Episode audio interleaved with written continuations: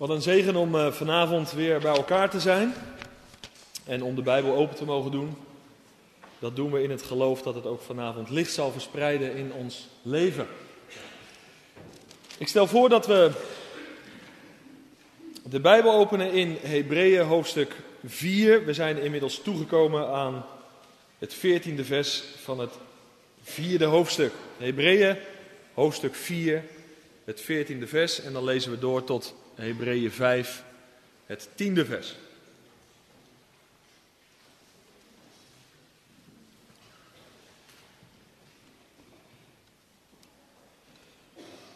Het gaat vanavond opnieuw over de Heer Jezus, dat zal je niet verbazen. Maar het is goed om over Hem na te denken, je in Hem te verdiepen. En we hebben het de vorige keer tegen elkaar gezegd, we hebben wel genoeg aan Hem, maar nooit genoeg van Hem. Vanavond zien we Hem bijzonder als hoge priester. We lezen in het 14e vers van hoofdstuk 4 het volgende. Nu wij dan een grote hoge priester hebben. Het is overigens interessant, ik stop al gelijk weer naar dat eerste zinnetje. Voor het woordje grote in de grondtaal staat een woord waarvan het woordje mega is afgeleid. Dat is mooi hè? Dus wij hebben een mega hoge priester. Die de hemelen is doorgegaan, namelijk Jezus, de Zoon van God. Laten wij aan deze beleidenis vasthouden. Want wij hebben geen hoge priester die geen medelijden kan hebben met onze zwakheden. Maar één die in alles op dezelfde wijze als wij is verzocht. Maar zonder zonde.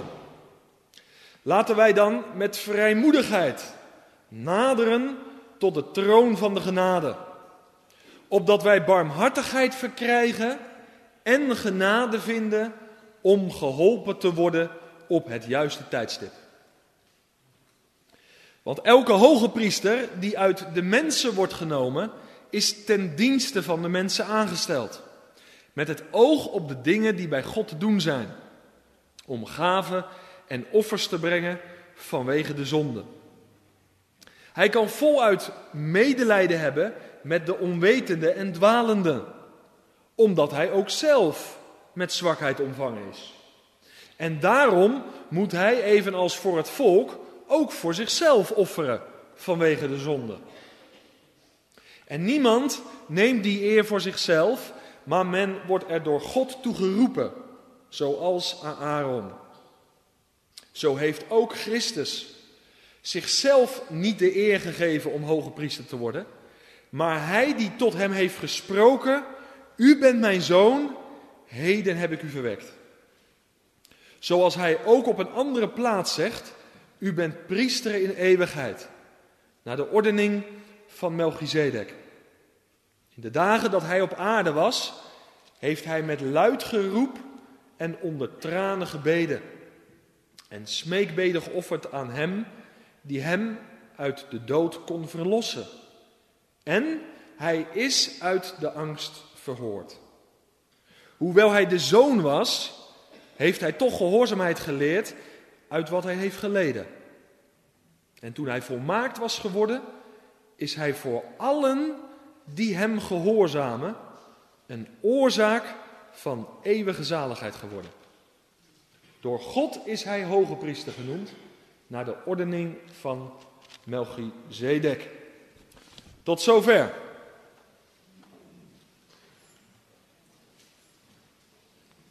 Ik heb boven de boodschap gezet, Jezus Christus, onze hoge priester, bij uitstek.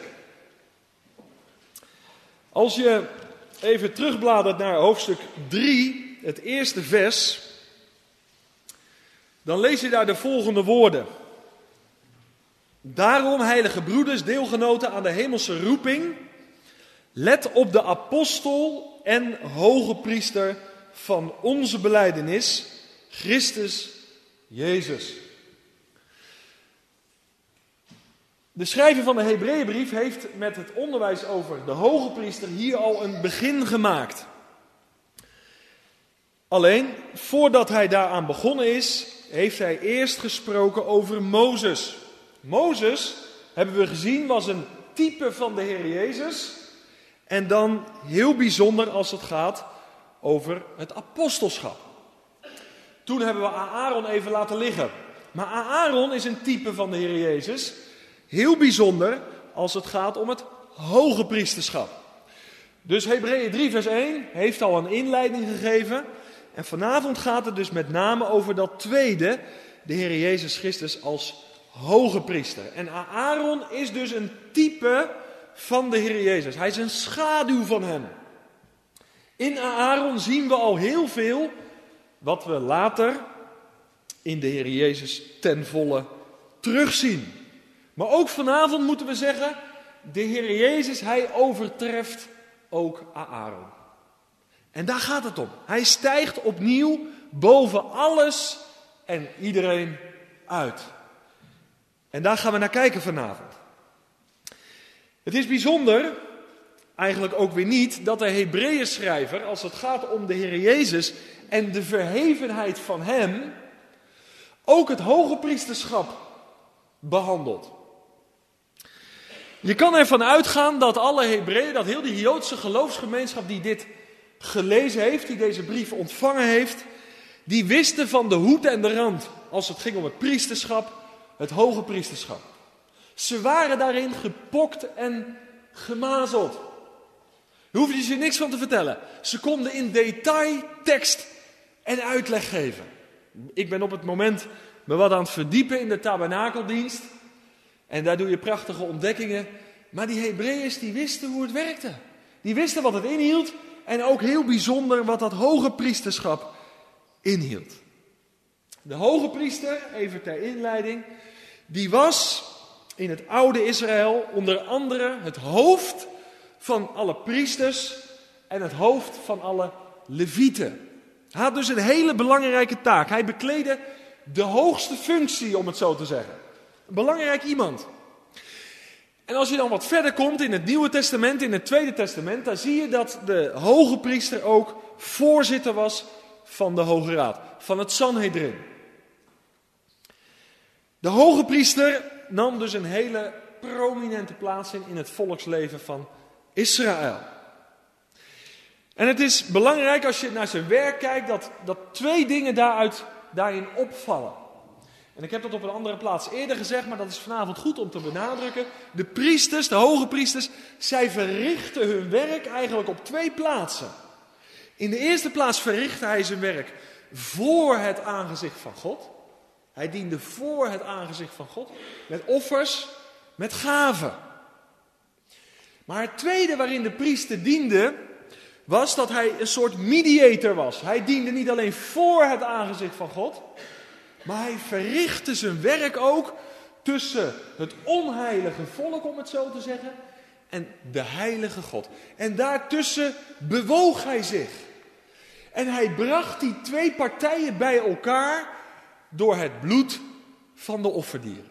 Dat is eigenlijk heel globaal natuurlijk, maar hoe hij zijn werk verrichtte en waar hij dat deed. Voor het aangezicht van God en tussen het onheilige volk en de heilige God in. Daar bedreef hij zijn werk en die bracht hij bij elkaar.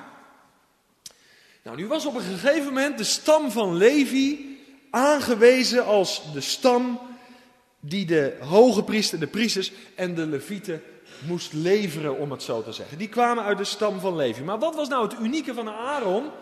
Aaron was de allereerste hoge priester. Hij was de eerste. En Aaron was door de Heere God zelf aangesteld. Aaron die zette dus eigenlijk, om het zo te zeggen, een nieuwe periode in gang. En de Heer Jezus wordt in het gedeelte wat we hebben gelezen vergeleken met deze hoge priester Aaron. Hij die de eerste was wat betreft het hoge priesterschap. Nou, als je heel het boek Hebreeën door gaat lezen, dan kom je het woord priester, hoge priester, priesterschap ongeveer 34 keer tegen. En het is soms heel eenvoudig Bijbelstudie doen als je gaat kijken hoe vaak komt een woord nou voor. En naar de mate dat woord vaker voorkomt, hè, in, in andere verbanden, maar de kern van het woord is hetzelfde. Daaruit kunnen we concluderen dat dat een heel belangrijk aspect is in die betreffende brief. Nou, het priesterschap, het hoge priesterschap, had dus een hele prominente plaats in het Joodse volksleven. En je zou de Hebreeërs gevraagd kunnen hebben: stijgt er iemand uit boven de hoge priester? Stijgt er iemand uit boven Aaron, die de eerste hoge priester was? Nou, dan moest je van hoge huizen komen, wilde iemand kunnen noemen die boven hem uitsteeg. Maar vanavond hebben we één iemand gevonden, één persoon gevonden, die deze unieke Aaron, om het zo te zeggen, ver overstijgt. Er waren overeenkomsten, jazeker, maar er waren meer verschillen tussen de Heer Jezus en tussen Aaron. En nu is het belangrijk om kennis te nemen hoe die eredienst, die oud-testamentische eredienst in elkaar zat, het priesterschap, het hoge priesterschap. Op het moment dat je je daarin verdiept, zou je je alleen maar meer en dieper en intenser gaan verwonderen over het hoge priesterschap van de Heer Jezus. Maar ook dit, dat jij en ik, en daar kom ik straks nog wel op, gemaakt zijn tot koningen en priesters. Naar de mate dat je inzicht hebt in de oud-testamentische eredienst, naar die mate zou je ook meer en meer gaan verwonderen over de persoon en het werk van de Heer Jezus. Maar ook over jou en mijn positie, wij die leven onder het nieuwe verbond. Want, ik heb het al eerder gezegd, het nieuwe verbond, dat heeft ons bij het hogere, het meerdere, het betere, het volmaaktere gebracht. Amen. Dat is kenmerk waar wij mee bezig zijn. En dat volmaaktere, dat betere, dat hogere is het, onder andere het hoge priesterschap van de Heer Jezus Christus. En zijn hoge priesterschap stijgt ver uit boven het Levitische priesterschap. Het Aaronitische priesterschap. Het stijgt daar ver bovenuit. Nou, wat ik vanavond ga doen is als volgt. We kijken eerst naar hoofdstuk 5, vers 1 tot en met 10. Daarin zien we overeenkomsten tussen de hoge priester Aaron en de Heer Jezus. En we zien verschillen tussen die twee. En als ik die versen behandeld heb, dan gaan we een soort slotakkoord geven. En dan gaan we terug naar de laatste versen van hoofdstuk 14. Want dan is die aansporing die de schrijver in hoofdstuk 4, vers 14 geeft, niet meer nodig. Als je de verschillen ziet, dan stijgt de Heer Jezus ver uit boven Aaron. Dus eerst hoofdstuk 5, de eerste 10 versen. Als het gaat over de overeenkomsten tussen deze twee, Aaron en de Heer Jezus, dan tonen de overeenkomsten dat het hoge priesterschap van de Heer Jezus de vervulling is van het hoge priesterschap onder het oude verbond.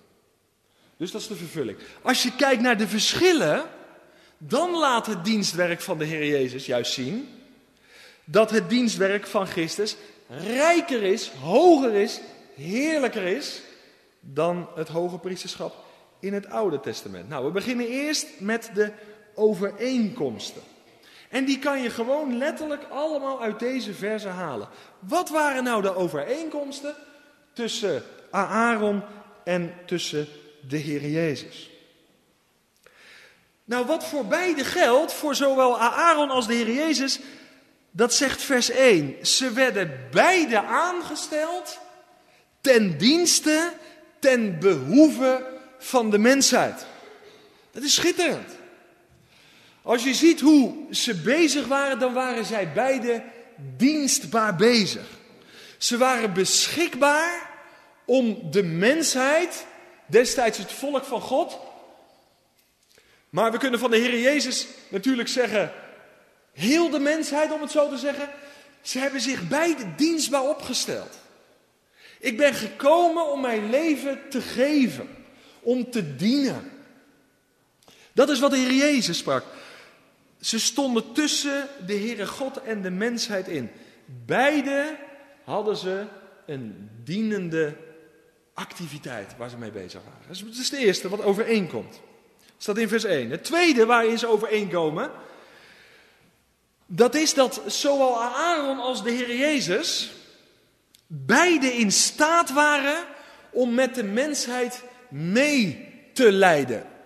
Om met hen mee te voelen. En nu zou je zeggen, nou dat vind ik logisch, want Aaron was ook een mens.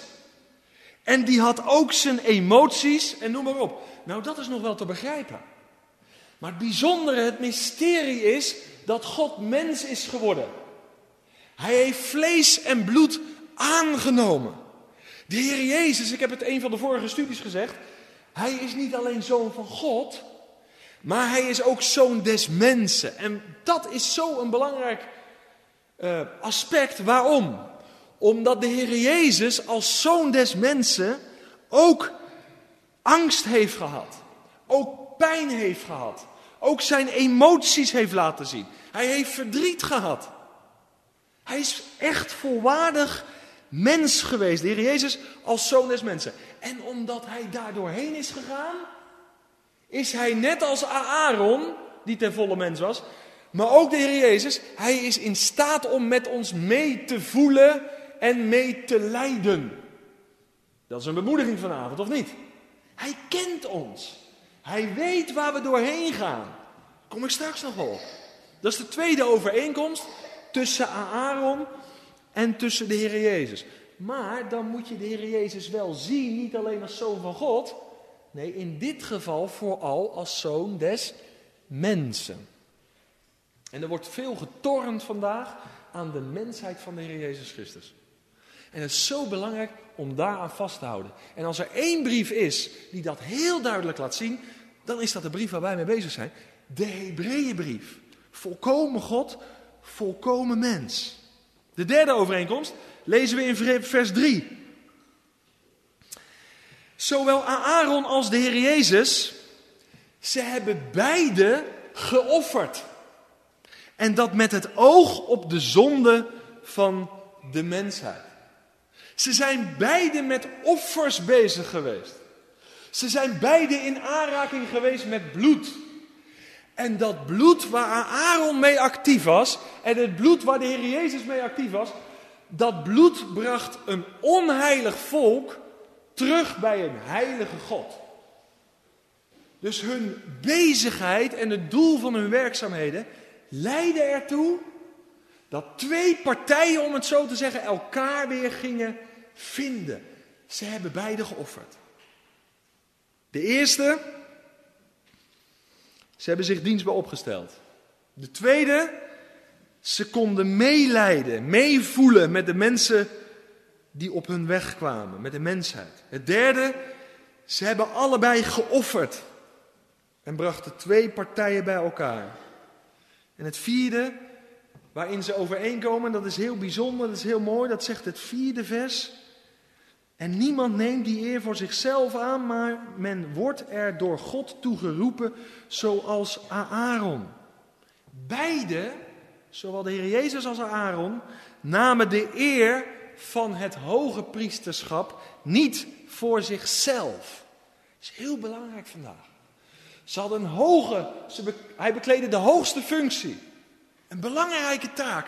Maar er staat van hen geschreven dat ze de eer van het hoge priesterschap niet voor zichzelf namen. Ze waren beide actief ten behoeve van de mensheid, van het volk, maar bovenal tot eer van God. Vier overeenkomsten. Nu leert de Bijbel van jou en mij, die tot wedergeboorte, die tot geloof, tot bekering zijn gekomen. De Petrusbrief, het boek Openbaringen, dat jij en ik gemaakt zijn tot koningen en tot priesters. En ik hoop dat je vanavond niet alleen naar Aaron kijkt en naar heel, die, heel het hoge priesterschap onder het oude verbond. Dat je niet alleen naar de Heer Jezus kijkt, maar dat je ook uitkomt bij je eigen hart. En je zegt, als ik die vier punten nou eens op een rijtje zet. En de Bijbel zegt dat ik door het geloven in de Heer Jezus Christus ook gemaakt ben tot een priester. Wat zie jij van deze elementen terug in je leven? Kijk, wij kunnen roemen in het nieuwe verbond. En wij kunnen de genade, en dat moeten we vooral doen, loven en prijzen waar we deel aan hebben gekregen. En wij kunnen de Heere God danken voor de Heilige Geest die in ons hart is komen wonen. Maar de vraag is, leven wij conform wie wij zijn? Dat is heel belangrijk. Want je kan in theorie in heel veel dingen delen. Maar is het zichtbaar in je leven? Je zegt, nou Jacques, noem dan eens wat. Nou, als priesters onder het nieuwe verbond leven we, als het goed is, niet meer voor onszelf. Maar we leven voor Hem die voor ons gestorven en opgewekt is. Zowel Aaron als de Heer Jezus hebben zich dienstbaar opgesteld. Hebben hun leven verteerd in de dienst van God. En voor de Heer Jezus, dat heb ik eerder genoemd, was het doen van de wil van de Vader eten en drinken. Ze waren helemaal beschikbaar voor de toewijding aan de eeuwige. En mijn vraag is, hoe zit het in je leven? Je zegt, Jacques, ja, maar ik ben ook koning hoor, ik ben priester, prijs de Heer daarvoor. Maar is het in je leven te zien dat je bent? Stel je je ook dienstbaar op? Of moet je vanavond zeggen, ja, ik leef misschien een beetje geestelijk ingekleed en een geestelijk sausje eroverheen, maar ten diepste leef ik voor mezelf. Dat is nou niet het kenmerk van een priester onder het nieuwe verbond. Je was dienstbaar en zo mogen wij vandaag dienstbaar zijn. Heer, ik geef mezelf aan u volkomen. Ik wil gans de uwe zijn. Dat is priesterschap onder het nieuwe verbond. Daar komt het op aan. En dat gaat de wereld om je heen merken. Ik leef ten dienste van mijn naaste en ik leef tot eer van mijn Heer. Daar gaat het om. Wil je nog wat weten? Wij danken het priesterschap niet aan onszelf. Niet aan onze achtergrond, niet aan onze verdiensten, daar gaat dat niet op terug. Het is pure genade. Het feit dat jij en ik priester zijn geworden onder een nieuw verbond. Die eer, die nemen we onszelf niet. Die, die grijpen we niet, die is ons geschonken. Dat heilige voorrecht is ons gegeven. Dus we schrijven niks toe aan ons eigen. En dat is belangrijk. Want die priester die was door God geroepen. Die was door hem afgezonderd. En wat een genade als je daar vanavond van mag getuigen. Dat je zegt, ik ben afgezonderd voor de dienst van God. Ben apart gezet. Ben geheiligd. Dat is het. En dat schrijf ik niet toe aan mezelf, maar dat schrijf ik toe aan de genade die geopenbaard is in Christus Jezus, de Zoon van God. Dat is priesterschap onder het nieuwe verbond. Wil je nog wat horen? Wij mogen vandaag als priesters onder het nieuwe verbond ook offers brengen. Ik zei het al, zowel Aaron als de Heer Jezus, zij dienden voor het aangezicht van God. Dat is niet alleen een mooi beeld, dat is een werkelijkheid. Wij mogen de Heer ook dienen met offers van lofprijzing en onze dankbaarheid aan Hem tonen. Ik heb dat in de, in de studies over de Efezebrief ook gezegd. Wij zijn dat niet gewend, maar wij mogen de Heer zegenen. Zo belangrijk.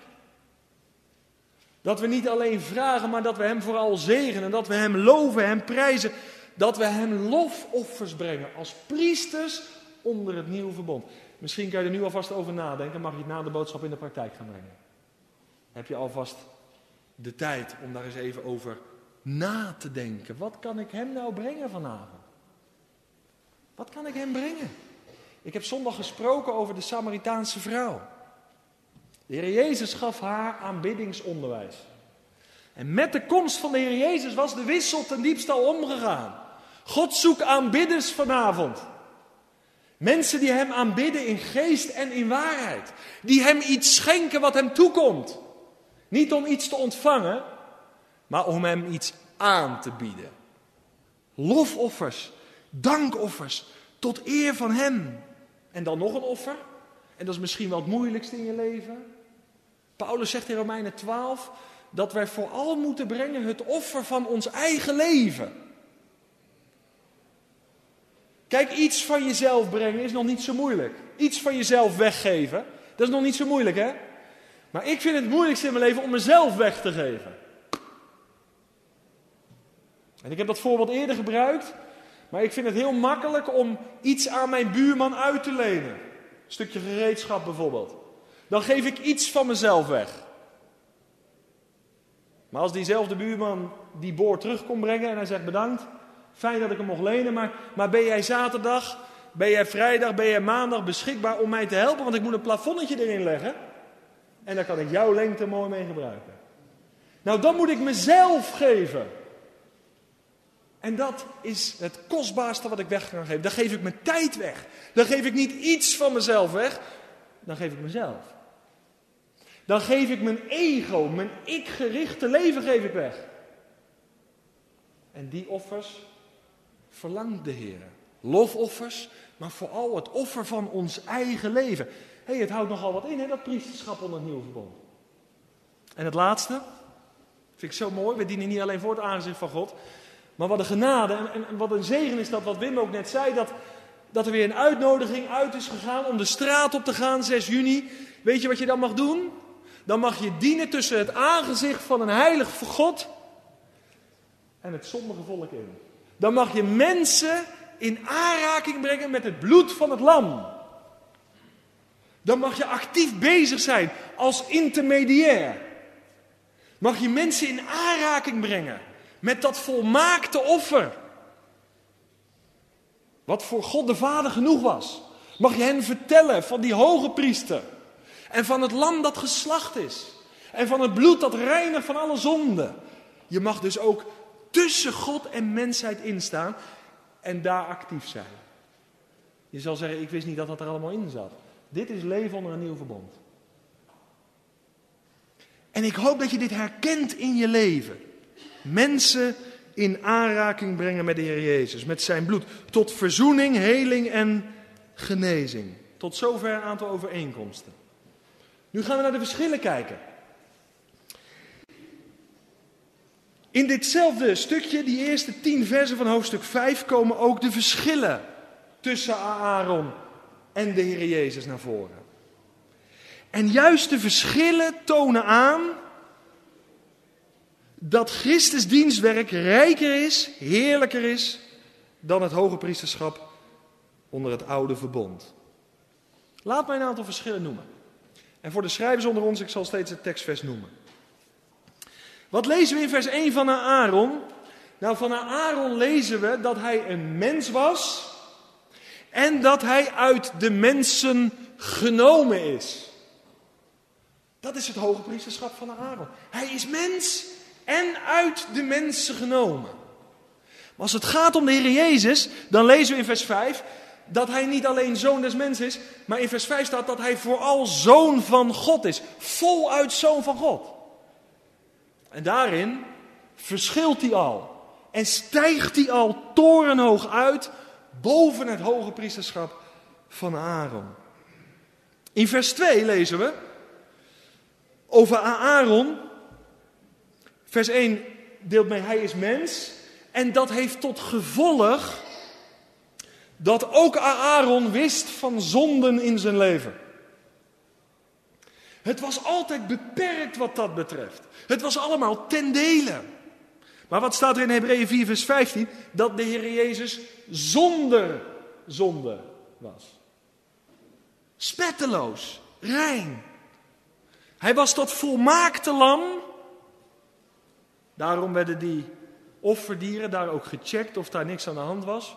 Moest een volmaakt offer die zij mocht geen gebrek aanzitten. Voor de Heer Jezus gold dat hij dat volmaakte lam van God was. Maar hij was ook de volmaakte hoge priester. Zonder enige zonde. Vers 3. Daar staat, en dat is heel bijzonder, Aaron, hij offerde voor het volk. Maar hij moest ook het offer brengen tot verzoening van zijn eigen zonde. En dat kunnen we van de Heer Jezus niet zeggen. De Heer Jezus, hij heeft het offer gebracht. Maar dat complete offer, om het zo te zeggen, was ten behoeve van anderen en niet van zichzelf. Daarin verschilt de Heer Jezus van de hoge priester Aaron. Vers 4 zegt, Aaron die is door God geroepen. En ook de Heer Jezus, die is in de volheid van de tijd naar deze wereld gegaan. Maar het accent wat hier ligt op de Heer Jezus, dat is vooral dat de Heer Jezus verwekt is. Met andere woorden, hij is als zoon van God naar de wereld gekomen. Hij is verwekt en hij had een zondige moeder. Maar hij zelf, de volmaakte. Maar door zijn menswording kon hij hoge priester zijn. Hij moest daarvoor mens worden. En hij is verwekt. Ik kom in hoofdstuk 7 nog verder terug, dat ga ik vanavond niet doen. Maar de Heer Jezus was hoge priester naar de ordening van Melchizedek. En Aaron was hoge priester naar de orde van Levi. En nu een hele belangrijke. Als je de versen 1 tot en met 3 van hoofdstuk 5 goed leest. Ik las in de verklaring en dat raakte mij wel.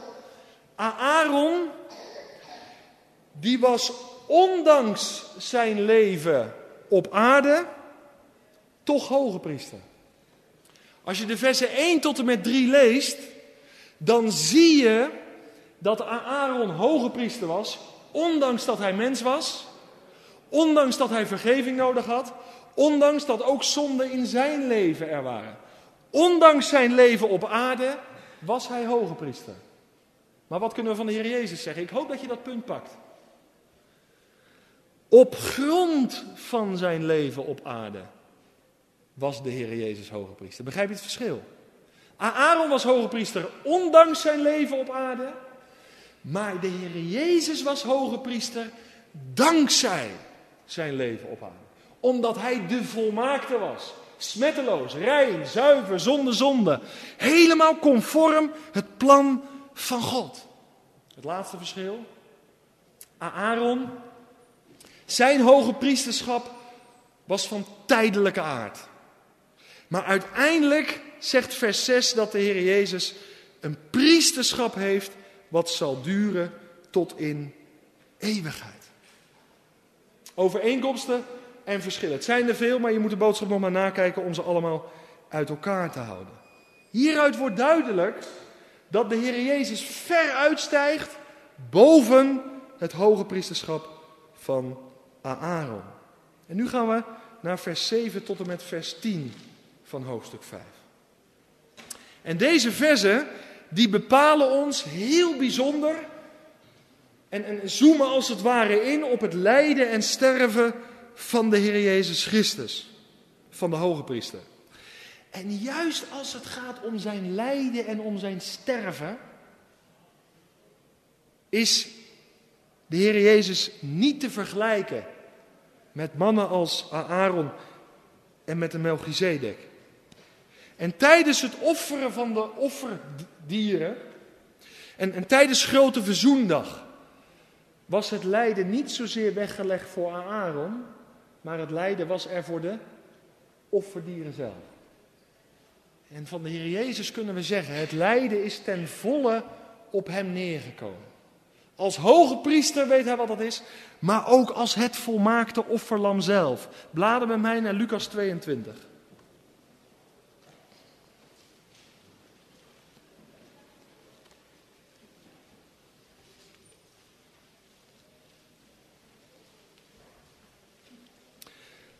Want hier zien we de Heer Jezus in de hof van Gethsemane. En wat lezen we van hem, die indrukwekkende woorden?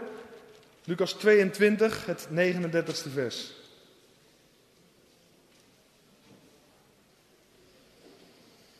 En hij, dat is de Heer Jezus, Lucas 22, vers 39, ging de stad uit en vertrok, zoals hij gewoon was, naar de olijfberg. En ook zijn discipelen volgden hem. En toen hij op de plaats gekomen was, zei hij tegen hen: Bid dat u niet in verzoeking komt.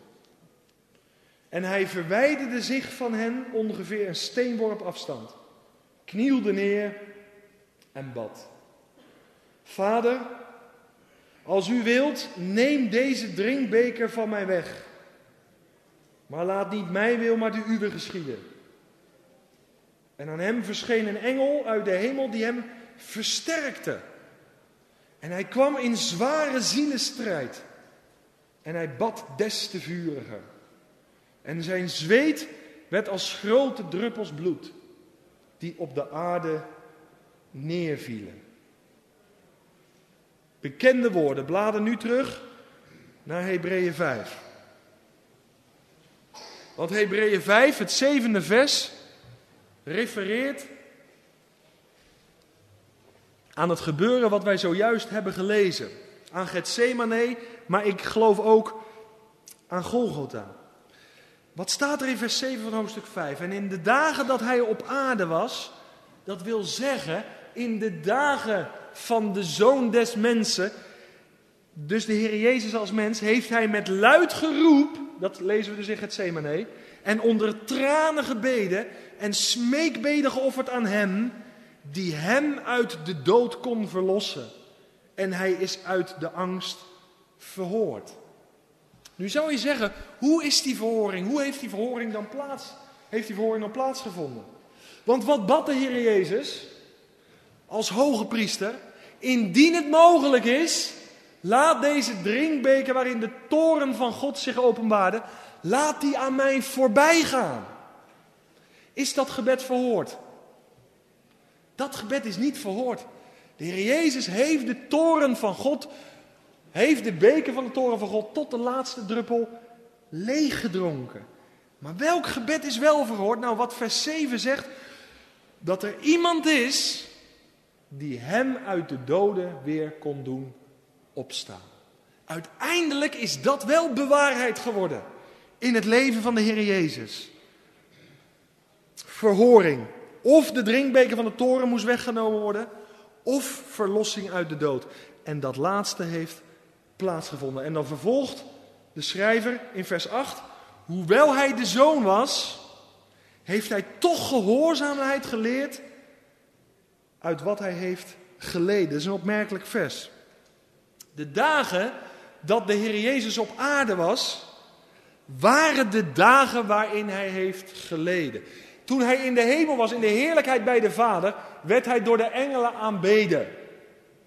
In zijn dagen in het vlees, staat hier, dat waren de dagen dat hij heeft geleden. Lijden in zijn aardse bestaan. En luister nu goed. Hij leed als gevolg van verzoekingen. En dat leerde hem gehoorzaamheid als zoon des mensen. En dat is best wel moeilijk. Want moest de Heer Jezus nu leren om te gehoorzamen? Ik geloof dat je dit vers zo niet moet lezen. Hij was volkomen de wijsheid van God. Hij was volkomen gehoorzaam. Maar ik denk dat je het zo moet lezen. Als mens moest hij de plaats innemen van de onderwerping. Dat was in de hemel, in de heerlijkheid bij de Vader niet zo. Je moet het zo lezen, het als mens innemen van de plaats van de onderwerping. De Heer Jezus, hij hoefde niet gehoorzaam te worden, maar luister goed, zijn gehoorzaamheid is gebleken in de praktijk. Daar gaat het om. Hij heeft laten zien dat hij de gehoorzame is. En dat heeft hij laten zien door een weg van lijden, verzoekingen heen. En daarin heeft hij bevestigd en getoond dat hij de ware hoge priester is. Zoon van God, maar vooral zoon des mensen. Vers 9. En toen hij volmaakt was geworden, zo'n indrukwekkend vers, is hij voor allen die hem gehoorzamen een oorzaak van eeuwige zaligheid geworden. En dit is een tekstvers die je moet onderstrepen in je Bijbel. Dit is het vers wat zo'n bemoediging kan zijn in je leven, wat een bemoediging is. Hij de volmaakte. Hij de unieke, de ongeëvenaarde. Zijn volmaakte, complete gehoorzaamheid. En dan moet je goed op je in laten werken. Is de reden, is de oorzaak, is het fundament van jou en mijn redding. Er is geen andere grond om gered te worden dan door het werk van de Heer Jezus Christus heen.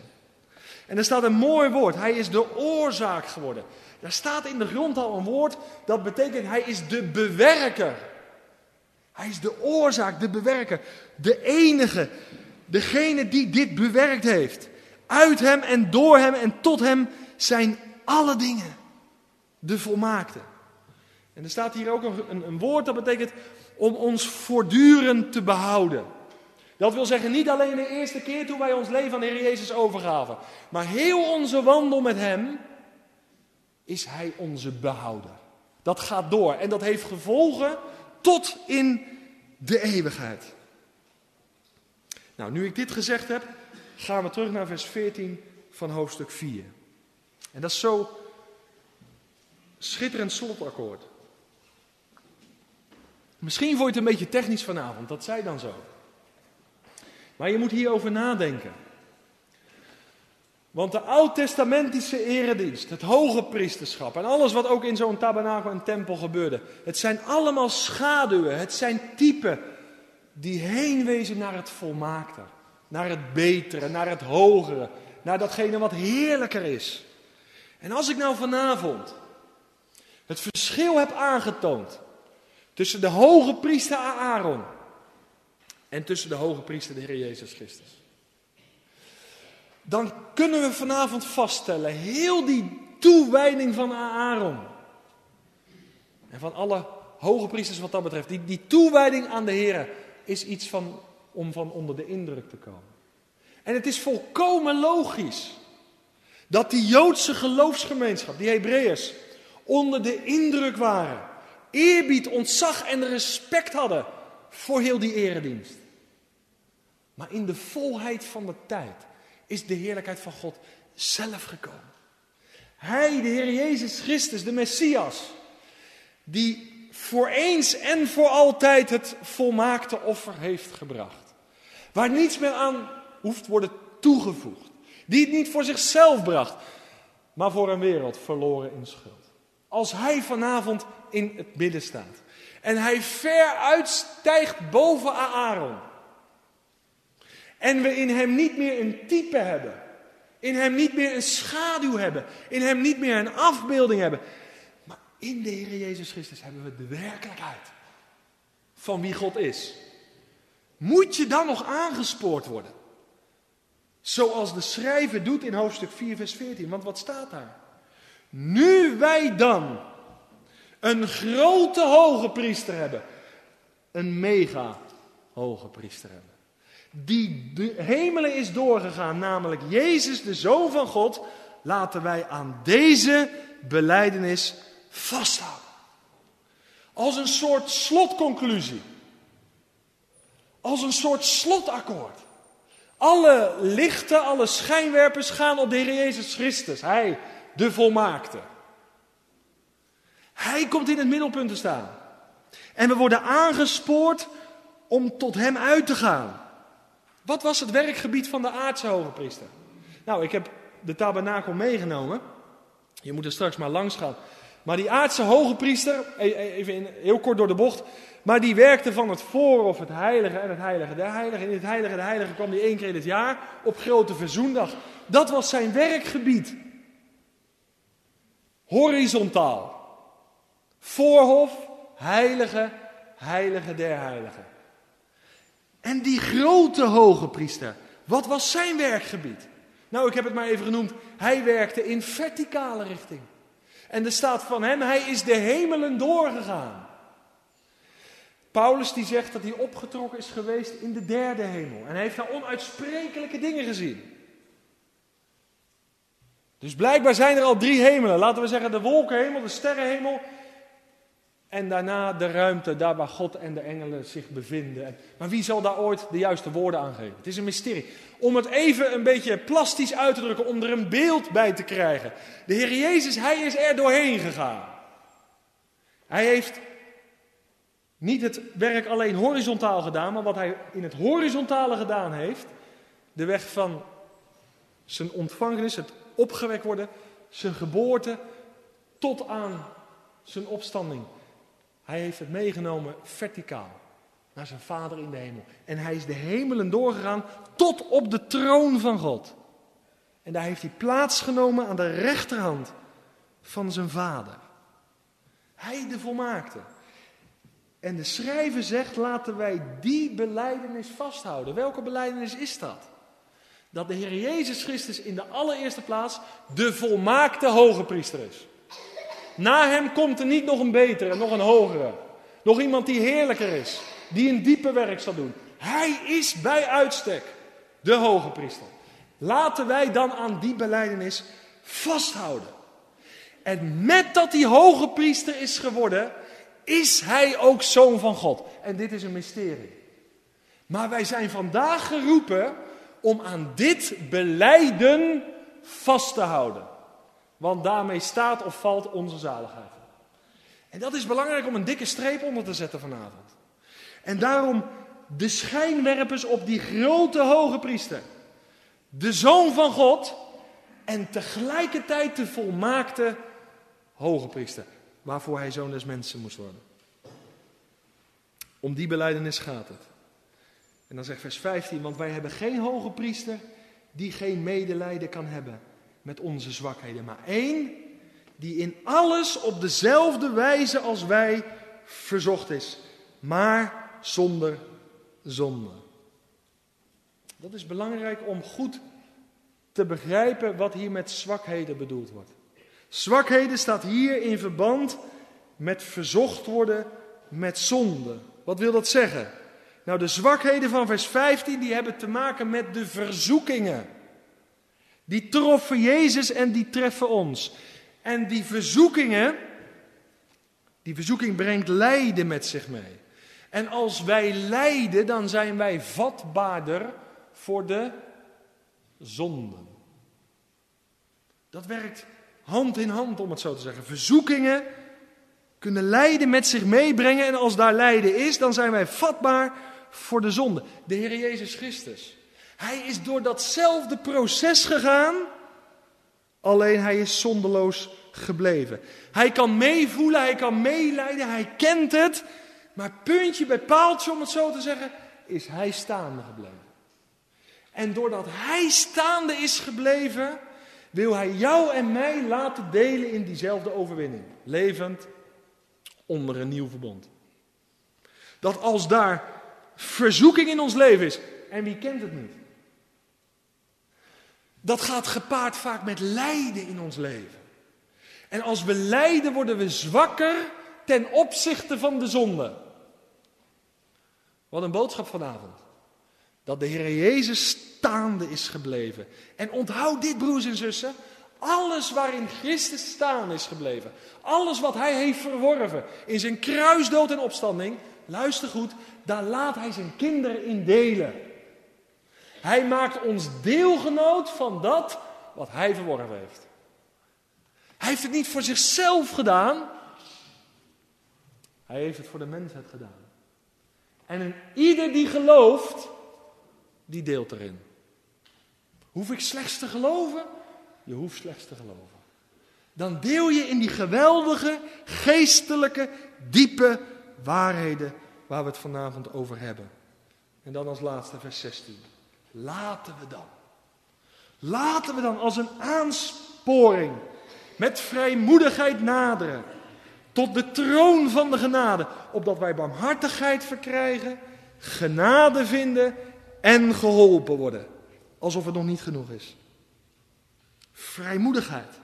Laten wij dan. Vrijmoedigheid verwart dat niet met vrijpostigheid. Het is voor elke vader een eer als zijn kinderen vrijmoedig zijn naar hem. Als er een goede, open relatie is. Als kinderen alles durven te delen. En ze soms dingen vertellen waar je van staat te kijken, maar ze zijn zo vrijmoedig. En ze gaan met vrijmoedigheid tot hun vader. Ze delen wat op hun hart is. Dit is het verlangen van de Heere God. En heel weinig mensen nemen die vrijmoedigheid en zeggen: Wie ben ik? Maar dat is de vraag helemaal niet. Wij kijken altijd, we hebben vrijmoedigheid als we goed naar onszelf kijken.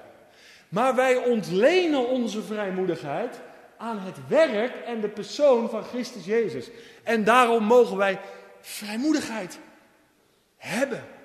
Die mogen we nemen, dat is zo belangrijk. Laten wij dan met vrijmoedigheid naderen. Weet je wat vrijmoedigheid is? Dat wil zeggen in vertrouwen, in zekerheid. Niet vertwijfeld om afgewezen te worden, maar omdat dat werk van die hoge priester bij uitstek zo compleet is, kan ik daar mijn vrijmoedigheid aan ontlenen.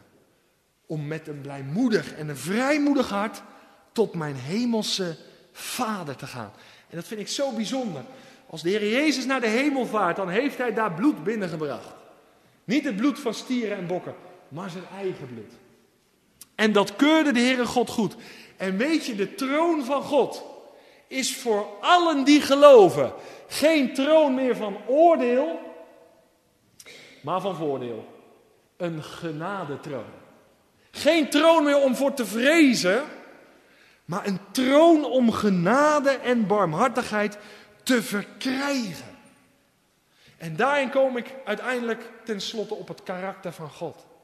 Want zoals God is in zijn karakter, barmhartig en genadig, hulpbiedend, zo is zijn karakter.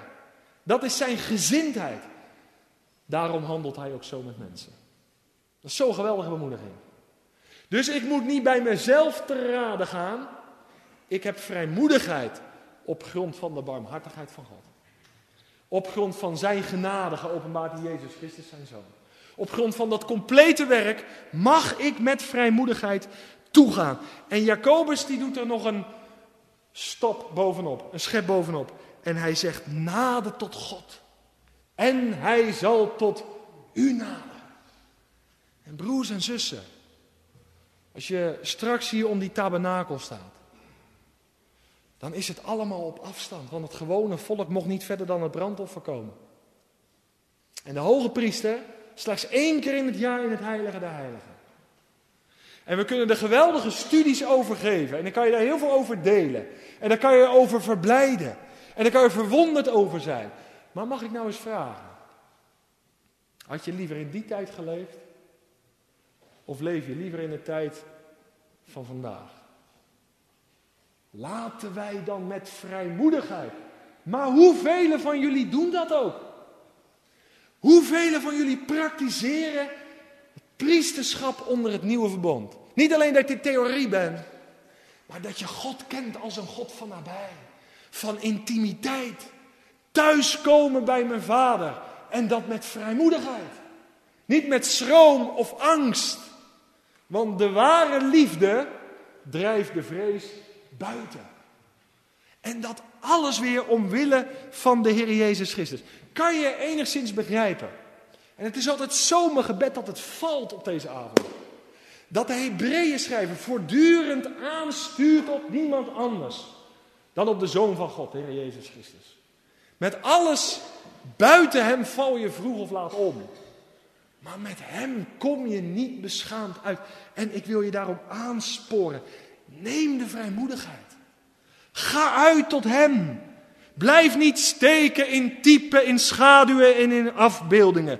Hoe rijk ook, laat dat duidelijk zijn. En verdiep je daarin. Maar mag ik je vanavond aansporen, broers en zussen, om uit de volle werkelijkheid te gaan leven, die geopenbaard is in de persoon en het werk van Christus Jezus. De Heere God heeft een verlangen dat we in de rust leven. Hij heeft een verlangen dat we in de vrede leven. Hij wil dat we in de vrijheid leven. En voor die dingen moet je niet bij jezelf te raden gaan. Voor die dingen is een man gekomen in de volheid van de tijd. Om je te schenken, om niet. Het is steeds rijker geworden, steeds dieper geworden. En vanavond verkondig ik het je. Ik ben blij dat ik vandaag leef en niet toen, hoe rijk die tijd misschien ook was. Want ik mag elk moment van de dag tot Hem naderen.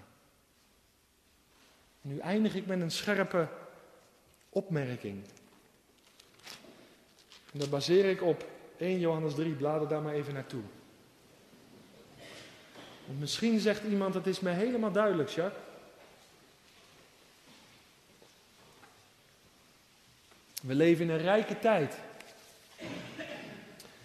Waarin we mogen zien dat de Heer Jezus Christus de hoge priester is bij uitstek. En ik zie dat we vrijmoedigheid mogen nemen op grond van zijn werk. En dat wij door mogen dringen tot het vaderhart van God. We spreken dat soort dingen veel te snel uit. Maar het is een geweldige zegen. Niet verdiend, toch gekregen. Dat noemt de Bijbel genade. Maar als er nou vanavond iemand is hier, die zegt, Jacques, ik zie het, maar ik heb geen vrijmoedigheid. Dat is toch erg? Als het zo duidelijk is geworden. Als de Heer Jezus alles heeft gedaan. Waardoor jij en ik vrijmoedigheid kunnen en mogen hebben. Wat is het dan vreselijk als je vanavond moet zeggen, maar ik heb geen vrijmoedigheid. Nou, misschien zegt 1 Johannes 3 jullie iets. Jou iets. Wat staat er in vers 18? Zo bijzonder, zo liefdevol, zo bewogen. Mijn lieve kinderen. Laten wij niet lief hebben met het woord of met de tong, maar met de daad en in waarheid. En hieraan weten wij dat wij uit de waarheid zijn en zo zullen wij ons hart voor Hem geruststellen. Want als ons hart ons veroordeelt, God is meer dan ons hart. En Hij weet alle dingen. En dan komt de tekst, geliefde. Als ons, ons hart ons niet veroordeelt, hebben wij vrijmoedigheid om tot God te gaan. Kan het zo zijn vanavond? Dat je zegt, ja, bijbels gezien, er is een vrije toegang tot de Vader. Maar ik ervaar het niet in mijn leven. Is er in uw, in jouw leven misschien iets wat je veroordeelt in je hart? Als je een veroordeling in je geweten hebt, iets vanuit het verleden of vanuit het heden. Wat dat dan ook is, een zonde of een stuk bitterheid of wrok of wat dan ook. Maar dat je veroordeeld wordt. Dat kan een reden zijn, zegt 1 Johannes 3, dat je die vrijmoedigheid waarin je kan delen op grond van het werk van de Heer Jezus, toch niet ervaart. Wat let je vanavond? Om aan die veroordeling definitief een einde te maken. En die veroordeling die je ervaart in je hart en je geweten, in het licht te brengen. En te zeggen, Vader, ik wil weer bij u komen met een vrijmoedig hart. Met een blijmoedig hart. Met een hart van voor rust en vrede. Maar die veroordeling om die en die reden verhindert dat. Hij staat vanavond gereed als die volmaakte hoge priester. En hij zegt, ik wil dat wegnemen. Die veroordeling wegnemen. Ik wil vergeving schenken, heling, genezing van binnenuit. En wat heb je dan terug? Je vrijmoedigheid. En er is niks zo heerlijk als veel vrijmoedigheid in je hart te ervaren. Dan heb je krediet op God. Kan je dagelijks naar hem uitgaan. Is niks te veel. Ben altijd welkom. Voel je je nooit bezwaard. En dan is het elke keer weer thuiskomen bij je hemelse vader. Dit is het leven. Niet voor een enkeling weggelegd. Maar ik zeg het vanavond met de woorden van openbaring. Wie dorst heeft, hij komen. En wie dit leven in vrijheid, vrede en rust wil leven, laat die tot hem uitgaan. En laat de Heer Jezus je hart vullen. Ik stel voor dat we onze hoofden buigen.